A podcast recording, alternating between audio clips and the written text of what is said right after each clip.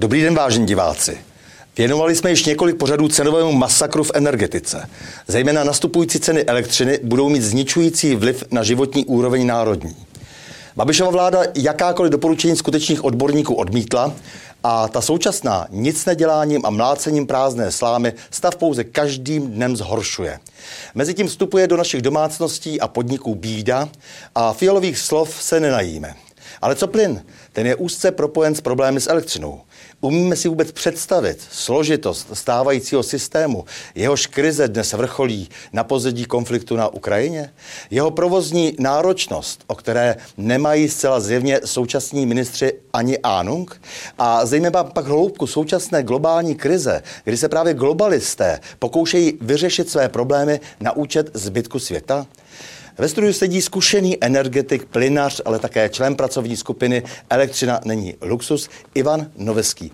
Vážený Ivane, jak je to prosím s, tou, eh, s těmi vaši, naš, našimi zásobami plynu nebo vůbec eh, se, ze zdroji eh, plynu, které Česká republika potřebuje a z jeho distribucí? Zkus nám tady udělat takové malé školení.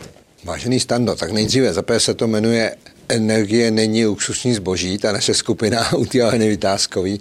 Za další je to opravdu složitá problematika z hlediska plynu, eh, z hlediska zdrojů plynu v České republice, tady jsou úplně mizivý. Dneska je ta těžba někde řádově kolem 100 milionů kubíků, což při spotřebě z 8 až 9 miliard kubíků ročně, tak samozřejmě je zcela zanedbatelné. Jo, těží se to asi na Jižní Moravě. Co se týká zásob, tak tam se povedlo panu premiérovi docela velký fopa, když říkal, že máme zásobu jako Česká republika na měsíc, ale zapomněl říct, že ta zásoba je na českém území v německých zásobnicích a že patří cizím obchodníkům, nikoli v českým, většinou teda. Takže uh, někdy jako je potřeba um, přesnou, přesnou formulaci. Z hlediska plynu jsme zcela absolutně závislí na ruským zemním plynu a bez něj se zhroutí naše energetika i ekonomika. Jasně. Prosím tě, tady se plinofikovala tato země po desítky let. Eh, byla to chlouba naše, že jsme připojili kde jakou vesnici eh, na ten eh, plynový systém. To znamená, že jsme pohodlně mohli topit, pohodlně jsme mohli tu plynovou energii vlastně využívat k našemu zvýšení životní úrovně. Jak je možné, že teď nějací ekologičtí aktivisté a různí pseudoodborníci vykřikují, že skončíme s plynem a že vlastně do budoucna tady nastane zlatá éra eh, takzvaných obnovitelných zdrojů, alternativní eh, všelijaké energie a tak dále. No, ta éra té masivní plynofikace v podstatě nastala právě díky tomu ruskému zemnímu plynu, protože většina lidí už si dneska nepamatuje, že tady byly původně městské plynárny, kde se vyráběl svítiplyn. Ten svítiplyn se vyráběl a distribuoval na území většinou toho města. Třeba v Praze byla krásná plynárna, v Michli, jo, v Beně byla plynárna, prostě všechny větší města, když bylo trošku větší, takový, řekl bych, bonitnější, serióznější město, tak mělo svoji plynárnu a svoje rozvody. Svít plynem se nejdříve svítilo, až potom vlastně po roce 1900 se začala přecházet víc na elektriku, ale do té doby plyn byl, potom se tomu plyn se s ním svítilo. A obrovský rozvoj nastal po roce tuším 73, kdy se zprovoznil transit, transitní plynovod, který vlastně byl jedinou spojnicí mezi Ruskem a mezi Německem, tudíž mezi Evropou. A šlo to naštěstí přes nás, teda přes Slovensko a Československo, že a Českou republiku.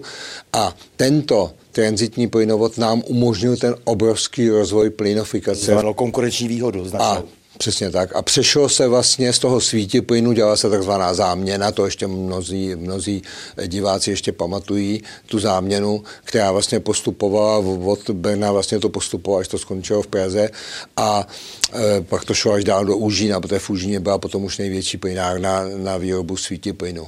To znamená, tato plynofikace se, tu se podařilo v 90. letech dotáhnout, přiznám se i díky tomu, že jsem zaváděl konkurenční prostředí privátní českou plynárenskou, což mi mnozí vyčítali, ale tím jsem přinutil plynárny výrazně investovat do, to, do sítí, takže opravdu ta, ten plyn se dostal všude, kde to bylo ekonomicky jenom trošku možné. A to je to jenom tak odhodíme vlastně to, že máme vlastně pod tou zemí tolik trubek, které stály tolik peněz a vytvořili tak příjemné vlastně prostředí pro naše topení. A my to nemůžeme odhodit, protože když to odhodíme, tak jako tím, tím skončí průmysl, tím skončí lidi, jako čím budou topit, budou topit šiškama, Mm-hmm. No to se možná stane, že jo, ale samozřejmě v tom okamžiku už asi budeme uh, umírat hlady. No to taky, to taky, protože ono to navazuje všechno na, na sebe. Protože pokud si uvědomí, že eh, předevčím, tuším předevčím vylítla cena zemního plynu na TTFC, což je v Holandsku, kde se vlastně dělá to, kde se vlastně dělá eh, velkou obchodní cena na 92 kačky za kubík. Když chudáci Němci to musí kupovat za 7 korun za kubík, chudáci Srbové to kupují za 5,80. Chudáci, chudáci Maďaři to kupují za 6 kaček kubík. Ale my jsme grandi, protože my víme, že je potřeba pomáhat, jo? takže my to budeme kupovat klidně na těch 90 kaček. Jak ovlivnila ta válka na Ukrajině ceny plynu? No, ona ovlivnila hlavně psychologicky, protože upřímně řečeno není jediný důvod, aby u nás byla taková nesmyslná cena. Vůbec není jediný důvod, to je stejně jak s cenou elektřiny. Jo, ta zase jde přes burzu, ale není jediný důvod, aby ta elektřina, která fyzicky, tam je to ještě horší u elektřiny, jo, ale u plynu není jediný důvod, aby ta cena se takhle vyšponovala. Stačí uzavřít opravdu slušný kontrakt s Rusama, tak jako mají uzavřený Němci, Maďaři, Sebové a další. A to je potřeba, protože to je úkol vlády, aby se postaral o tyto záležitosti. To nikdo neumí. A jak je to vlastně celkově teda s těmi zásobami plynu dnes? U nás dneska, to jsem říkal v podstatě, pan eh, premiér si myslí, že tady máme zásoby na měsíc, ale oni jsou sice na území České republiky, ale v podstatě nejsou. nejsou. Uh-huh. Na závěr, prosím tě, ještě vraťme se k té elektřině. Eh, už zveřejnila vláda dokumenty, ze kterých bylo patrné, proč vlastně naší českou levnou elektřinu nakupujeme násobně dráž z Německa? No, ne násobně dráž z Německa. Ona nikdy neopustí území České republiky. Ona se tady vyrobí za těch 15 nebo 25 halířů hodina a pak se radostně, radostně jenom předsečkuje v Německu na burze a přitom zůstává pořád tady a tady se spotřebovává. Ale papírový nakupujeme z Německa. Čili papírové, a i když ono je, pozor, ono je to potom přes Pražskou burzu, což je pobočka Lipský burzy, že jo? takže ona je to prašťaku hoď. Má vaše skupina nějaké konkrétní řešení, eh, které by měla vyslyšet vláda a chovat se podle toho? Posílali jsme naposledy, teďka tuším předevčírem, jsme posílali sedm základních bodů, které jsou opravdu základní. Já, já to s dovolením přečtu, i když rád mluvím z patra, je toho lepší přečíst. Jo.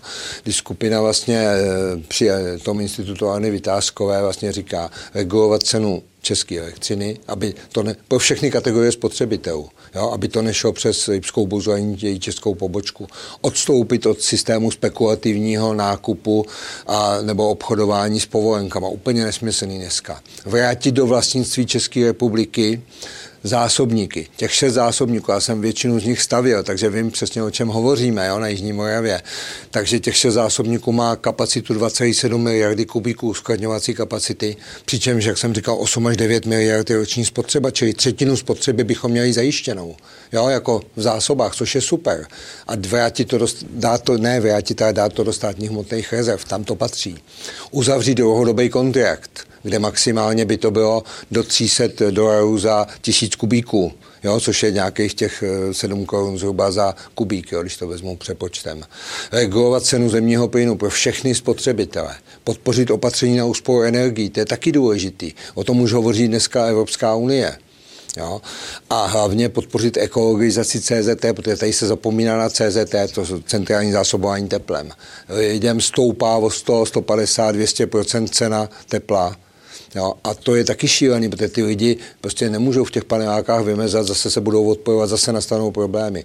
A cílem toho všeho je vlastně zachránit několik milionů českých e, občanů vlastně před energetickou bídou, zachránit český živnostníky a český průmysl. A to je úkolem této vlády. A ta vláda nic nedělá. To je problém. Takže pokud ta vláda oslyší uh, tyto logické argumenty, budíš odejita. Takže milí Ivane, já ti moc děkuji za rozhovor a s vámi, vážní diváci, se těším na další pokračování cyklu O čem se mlčí.